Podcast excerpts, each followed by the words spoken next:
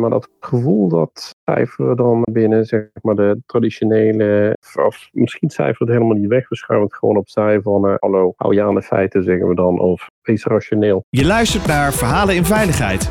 Deze podcast brengt verhalen over veiligheid samen van de mensen die het doen. Met wisselende onderwerpen. Verhalen vanuit de wetenschap, verhalen vanuit de praktijk, maar vooral verhalen die raken uit ons mooie vak. Uw presentatrice Orlie Borlak.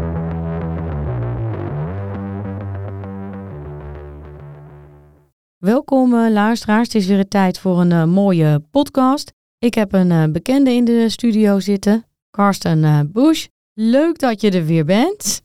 Ja, dankjewel dat ik weer mag zijn. Voor wie Karsten niet kent, ja, die zijn er misschien. Karsten is veiligheidshistoricus, auteur, keynote-spreker en hopelijk binnenkort ook promovendus. Maar vandaag gaan wij praten over zijn laatste boek, Risicoflexie mega gaaf naslagwerk. Ik heb het mogen recenseren voor iedereen die lid is van de NVVK Info. Daar staat een kleine sneak preview in over wat je kan verwachten. En voor de luisteraars gaan we natuurlijk vandaag ook een tipje van de sluier lichten. En ja, Karsten, welkom, leuk. Nogmaals, dankjewel en dankjewel voor de recensie. Ik kreeg hem gisteren toegestuurd en eh, ik eh, moest wel een beetje van blozen, dus dankjewel. Nou, dat is helemaal meer dan terecht. En de luisteraar eh, gaan we nu meenemen. Kun je iets vertellen over je boek? Wat kunnen ze verwachten als ze hem straks op de deurmat vinden? Als je hem op de deurmat vindt, dan wordt dat waarschijnlijk aangekondigd door een luide klonk. Want het is me redelijk veel geworden.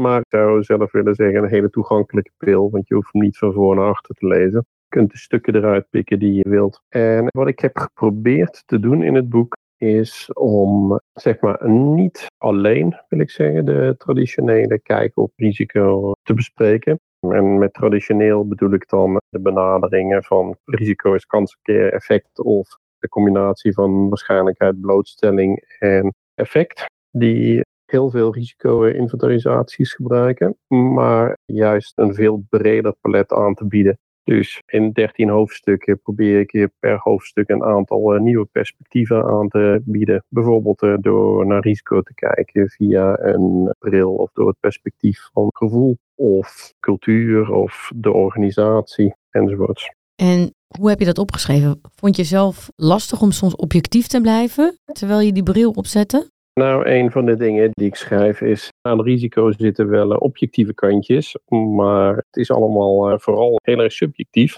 Dus ik heb eigenlijk niet echt zelf nagedacht over een objectieve bril bij het schrijven. En denk je dat je wat heilige huisjes hebt omgeschopt toen dat boek zeg maar eindelijk af was? Nou, dat weet ik niet of ik ze heb omgeschopt, maar ik heb hopelijk wel heel hard op sommige deuren geklopt en misschien ook wel wat deuren opengetrapt. En ik denk dat echt wel sommige mensen met bepaalde stukken moeilijk hebben. Want bepaalde hoofdstukken, zoals het hoofdstuk over gevoel, dat is niet hoe we zijn opgevoed, zeg maar, binnen veiligheid. Binnen veiligheid zijn we toch vaak meer van de wat technische kant opgeleid. Waarbij je wordt geleerd van uh, je kijkt naar iets objectiefs en daar probeer je dan zo objectief mogelijk bijvoorbeeld cijfertjes aan uh, te hangen. Hoe groot is die kans? Hoe groot is het gevolg? En dan denk je dat je het antwoord hebt. Dat is hoe we het hebben geleerd. Dat is hoe ik het heb geleerd uh, jaren geleden. Dat is niet per se hoe de meeste mensen er tegenaan kijken in een natuurlijk zeg maar, omgeving. Daar zit je vaak eerder op de kant van gevoel. Ik denk dat gevoel vaak aan zo'n rationele benadering vooraf gaat. Maar dat gevoel dat cijferen dan binnen zeg maar, de traditionele, of misschien cijferen het helemaal niet weg, we schuiven het gewoon opzij van uh, hallo, hou je aan de feiten zeggen we dan, of wees rationeel. Ik denk dat sommige mensen daar moeite mee zullen hebben. Om het gevoel mee te nemen op eenzelfde eh, manier als de wat objectievere elementen, zoals de aanwezigheid van een boel energie meenemen. En kun je daar een uh, voorbeeld van noemen? Van waar, waarin jij zegt, nou, dan speelt gevoel gewoon een rol. Ja, ik denk dat gevoel altijd wel een rol speelt. En een hele belangrijke ook. Een wat stom voorbeeld wat ik nog wel eens gebruik is dat van hoogtevrees. Ik heb een vrij groot huis. Stel de ramen moeten worden gelapt op de tweede verdieping. Dat zou van buiten moeten gebeuren. Dan moet dat met behulp van een ladder. Als we het zelf willen doen. Als ik dat zou doen, dat zou uh, waarschijnlijk niet een groot probleem zijn. Ik heb geen last van hoogtevrees als mevrouw dat zou doen die heeft last van hoogtevrees. En dan kun je wel zeggen van, ja, hallo, maar kijk nou, die ladder is even hoog. Als iemand naar beneden valt, de kans is even groot en het gevolg is even groot. Dus de risico's voor jullie allebei zijn even groot. Maar dat is niet zo. Ik ervaar het risico heel anders als mijn vrouw. En ik denk dat vervolgens die ervaring van het risico ook nog bijdraagt aan het hele meer objectieve deel van risico. Want als ik me veel veiliger voel op die ladder, veel onbezorgder daar niet verkrampt staat te werken, als dat mijn vrouw het zou doen, heel verkrampt en durft niet naar beneden te kijken en dat soort dingen, dan heb je het ook feitelijk over andere risico's. Waarbij feitelijk een heel verkeerd woord is om hier te gebruiken. En hoe zit het met degene die de opdracht geeft om op de ladder te staan? Stel nou dat jouw ramen gelapt moeten worden. En we hebben twee mensen waar we uit kunnen kiezen. Je omschrijft nu net een best wel hoog raam. Ik heb echt een heel mooi huis in gedachten. En dan kunnen je zoon van 12 eh, opklimmen om de ramen te lappen. Of een meneer ergens drie dorpjes verderop die je nog nooit hebt ontmoet. Hoe ervaar je dan het risico? Ervaar ik dan het risico of hoe ervaren zij het risico?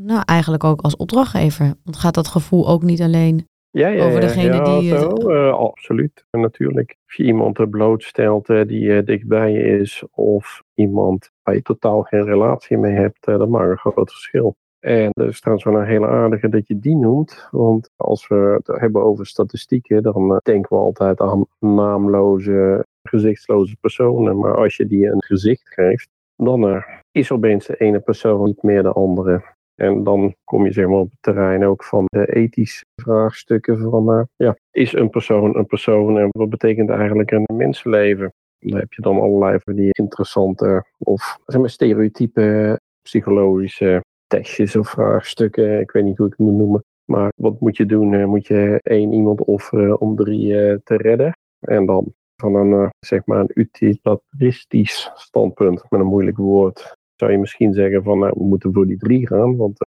dat is zeg maar het meeste geluk voor de grootste groep, zeg maar. Maar als die ene persoon iemand is die heel dicht bij je staat, dan denk je niet meer op die manier. Het is een heel actueel thema, want ik las, denk twee weken geleden in de krant, ze zijn met experimenten bezig voor drones die uh, bommen kunnen gooien. En die drones die hebben geen emotie. Dus die gaan op basis van risico, maken ze een calculatie of ze het object wat hun target is, wel of niet kunnen bombarderen. En zo hebben ze daar natuurlijk uit een soort onderzoekje omheen gehangen, waarbij echt mensen nog de beslissing van de computer mochten herevalueren. En dan zie je dat die computer dus in zijn risicoassessment emotie eigenlijk niet heeft, niet meeneemt. Die calculeert, oh nou, het is dicht bij een school, daar kunnen potentieel drie kinderen lopen. Ik ben ingesteld op dat zes burgers, dat is zeg maar het oranje vlak. En dan gaan we dus niet gooien.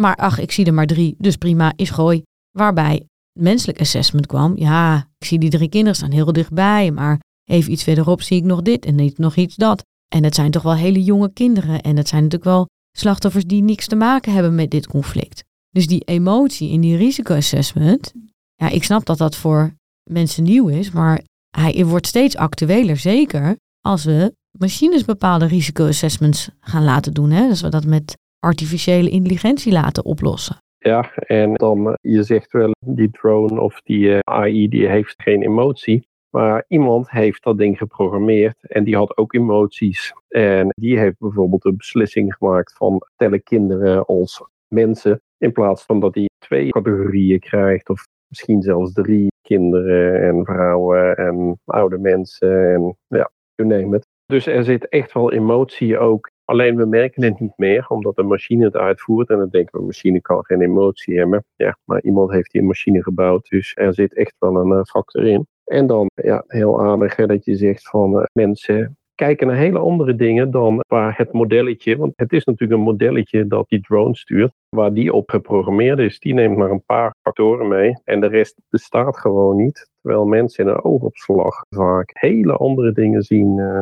die dan plotseling ook belangrijker blijken. Maar waar we van tevoren misschien niet over hebben nagedacht om mee te nemen in het model. Of waar we op dat ogenblik misschien van hebben gezegd van ja, maar dan wordt het model veel te moeilijk joh. En dan uh, kunnen we hem niet ontwikkelen en duur en ja, moeilijke berekeningen. Dat nemen we gewoon allemaal even niet mee. En ook dat is een keuze waar iets meer achter zit. En zou dit ook het probleem zijn met macht? Want je schrijft in je boek dat risicomanagement alles te maken heeft met macht. En dat je ook moet kijken naar wie managt nou het risico en wie maakt nou de beslissing. En als je naar grote organisaties kijkt, die werken ook al het liefste met modellen. Dan zeggen bestuurders soms wel eens, oh, ik accepteer dat risico. Is dat misschien niet ook het probleem? Is dat degene die mag besluiten te weinig in contact staat met degene die het risico draagt? Dat is zeker één factor. Ik denk dat vaak heel ver van elkaar afstaan. En ook al weten ze van elkaars bestaan af, dan hoeft dat nog niet alles te betekenen.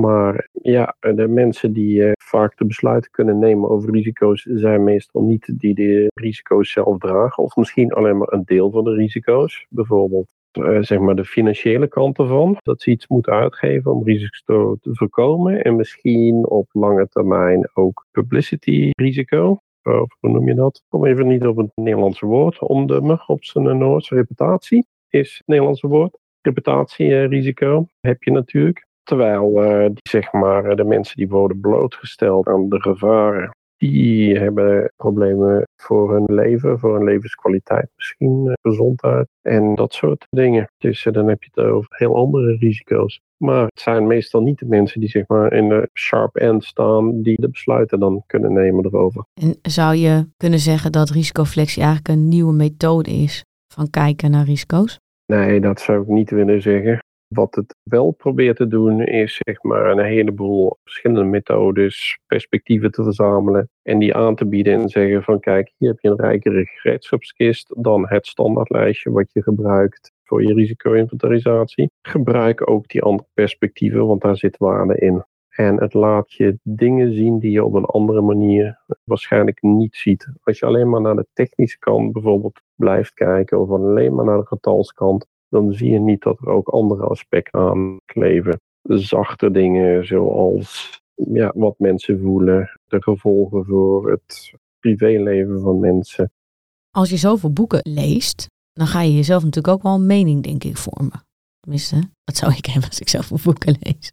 Ik ben echt wel benieuwd hoe jij kijkt. Wat is jouw kijk geworden naar 20 pagina's literatuur? Ik zou er zeker vijf jaar over hebben gedaan, als het niet langer is. Wat heeft dat met jou gedaan, met jouw kijk?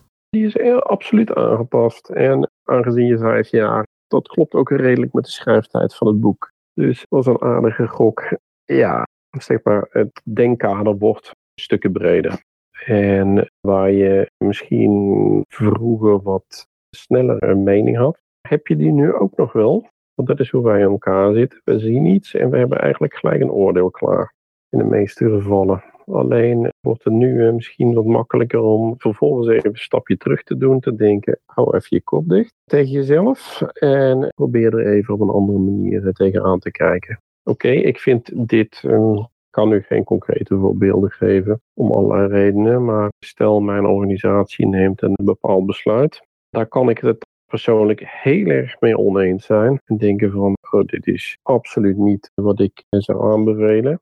Maar vervolgens doe ik even een stapje opzij en denk van, maar als ik nu eventjes eh, denk vanuit het directieperspectief bijvoorbeeld, dan kan ik wel zien waarom men voor die oplossing kiest, omdat dat binnen het politiek kader of dat soort dingen veel beter eruit komt. En hoewel ik het zeg maar vanuit veiligheidskundig perspectief misschien geen goede oplossing vind, kan ik wel zien dat er bepaalde organisatorische voordelen aan vastzitten. Dus ja, als je de mogelijkheid hebt om zeg maar, je mentale gereedschapskist op die manier uit te breiden, heb je daar mijns inziens een boel eh, voordeel van. En ik kan me ook voorstellen dat er iets tussen zat, wat je dacht, nou dit heeft me echt verbaasd. Dat dit nou blijkt uit data, dat dit nou zo'n impact heeft, dat je zegt, nou dat, dat had ik eigenlijk helemaal niet eens verwacht. Dat heeft me echt mijn ogen open gedaan. Ja, had jij iets toen je het boek las, dat je zei, goh, ik ben even benieuwd? Nou, eigenlijk vond ik het dapper dat je het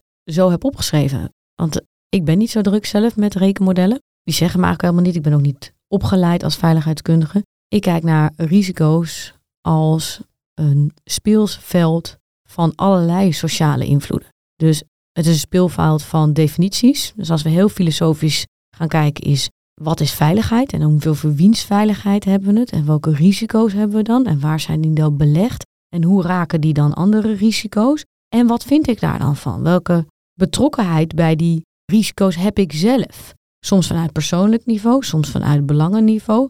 En ik vond het was leuk. Het was een van de eerste boeken, denk ik, die ik heb gelezen. Misschien het derde boek over risico. Maar ik heb alleen maar echt hele theoretische boeken er altijd over gelezen. Dat ik dacht, ja, dit komt toch wel meer in de buurt van mijn vakgebied. Dat je een veel bredere kijk hebt, een veel antropologisch kijk van joh, maar hoe kijken we er nou echt naar? Want als je met een veiligheidskundige praat, dan gaan we ons heel erg juridisch oriënteren. Dan gaan we kijken wat zegt nou de Arbo-wet, wat zijn nou de voorschriften, wat zijn nou de modellen die we moeten gebruiken. Maar als je met een bestuurder gaat praten, of je gaat met een gebruiker praten, of degene die het risico ondergaat, die zit er soms echt veel pragmatischer in. Die denkt, ja, ik moet toch ook voor vier uur thuis. Ja, ik wil, of heel simplistisch krijg je de opmerking, maar ik vind het wel gezellig om zo te gaan toepen, dus ik geef toch nog even gas. Of dat de bestuurder zegt, ik accepteer gewoon dat risico. En die man heeft begot niet idee wat eigenlijk de echte consequentie voor de mensen is. Maar die kijkt naar een project van, nou, laten we zeggen 5 miljard. En die zegt, ja, ik accepteer het risico. En dan staat er gewoon in het document, kans dat er hier iemand overlijdt op dit project, ja, is aanwezig. Dat zullen er één of twee zijn. En dan dat iemand achter zijn bureau dan zegt, maar dat accepteer ik. Dus ik vond dat wel leuk, dat je in een boek neerzet met zoveel literatuur, waarbij ook de lezer niet meer het gevoel heeft dat hij er alleen voor staat. Als je denkt van ja, dat vond ik al, nou dan kan je nu door twintig pagina's literatuur heen bladeren. En dan denk je, oh, ik ben blij, ik ben niet de enige die dat vindt. Dus dat deed het bij mij. Ja, ja. Nee, uh, ik heb er een boel geleerd. Ik kan even niet uh, direct één ding eruit pikken, maar ik denk dat wel een van de grootste dingen is. Voorheen dacht je wel dat je het wist. En dat je dus met je risico-inventarisatie en al dat uh, gewoon een antwoord kon geven. En dat kun je nu ook nog steeds. Maar dan zeg je van, als ik vanuit deze kant kijk, dan kijk ik er zo tegenaan. Maar als ik naar andere doelstellingen kijk, dan ligt het allemaal eh, weer wat nuanceerder. En het is eigenlijk een keuze maken tussen al die tegenstrijdige dingen. En daar een eh, redelijke balans vinden, dingen. En dan worden dingen als, zeg maar, nul ongevallen. Ja, wat minder voor de hand liggende keuzes, zou ik willen zeggen. Omdat je gewoon moet zeggen van, oké, maar we moeten risico nemen. En dat betekent dat natuurlijk willen we iedereen veilig naar huis. En dan gaan we ook ons stinkende best doen. Maar dat stinkende best doen kent wel grenzen. Want we willen wel iets afleveren, we willen wel iets bereiken. Als ik zelf nu in de auto stap en naar de winkel rijd, dan stel ik me bloot aan een aantal risico's. De kans is heel groot dat ik ongeschonden thuis kom. Maar ik heb niet controle over de weg volledig. En zeker niet over al die andere weggebruikers die vrijdagmiddag snel thuis willen toepen. Misschien alvast aan een biertje hebben geproefd. Dan ja, wil ik jou bedanken voor weer een mooie podcast. En alle luisteraars even tijd toch wel voor reclame. Ik vind dat dit boek, zeker als je bezig bent met veiligheid, onderdeel moet zijn van de boekenkast. En dat je het regelmatig eens even moet pakken en moet naslaan. De 20 pagina's literatuur zijn fantastisch om te beginnen om jezelf eens verder te verdiepen. Dus je kan lekker verder sneeuwballen, noem ik dat altijd. En het geeft inderdaad een bredere kijk op veiligheid en de, schept ook weer ja, mogelijkheden voor de toekomst en voor toekomstige discussies over risicomanagement. Dankjewel. Ja, dus iedereen heel veel leesplezier. Je luisterde naar Verhalen in Veiligheid. Wil je niks missen van deze podcast? Abonneer je dan op deze podcast in je favoriete podcastplatform. Of laat een recensie achter via Apple Podcast. Dank voor het luisteren. Graag tot de volgende.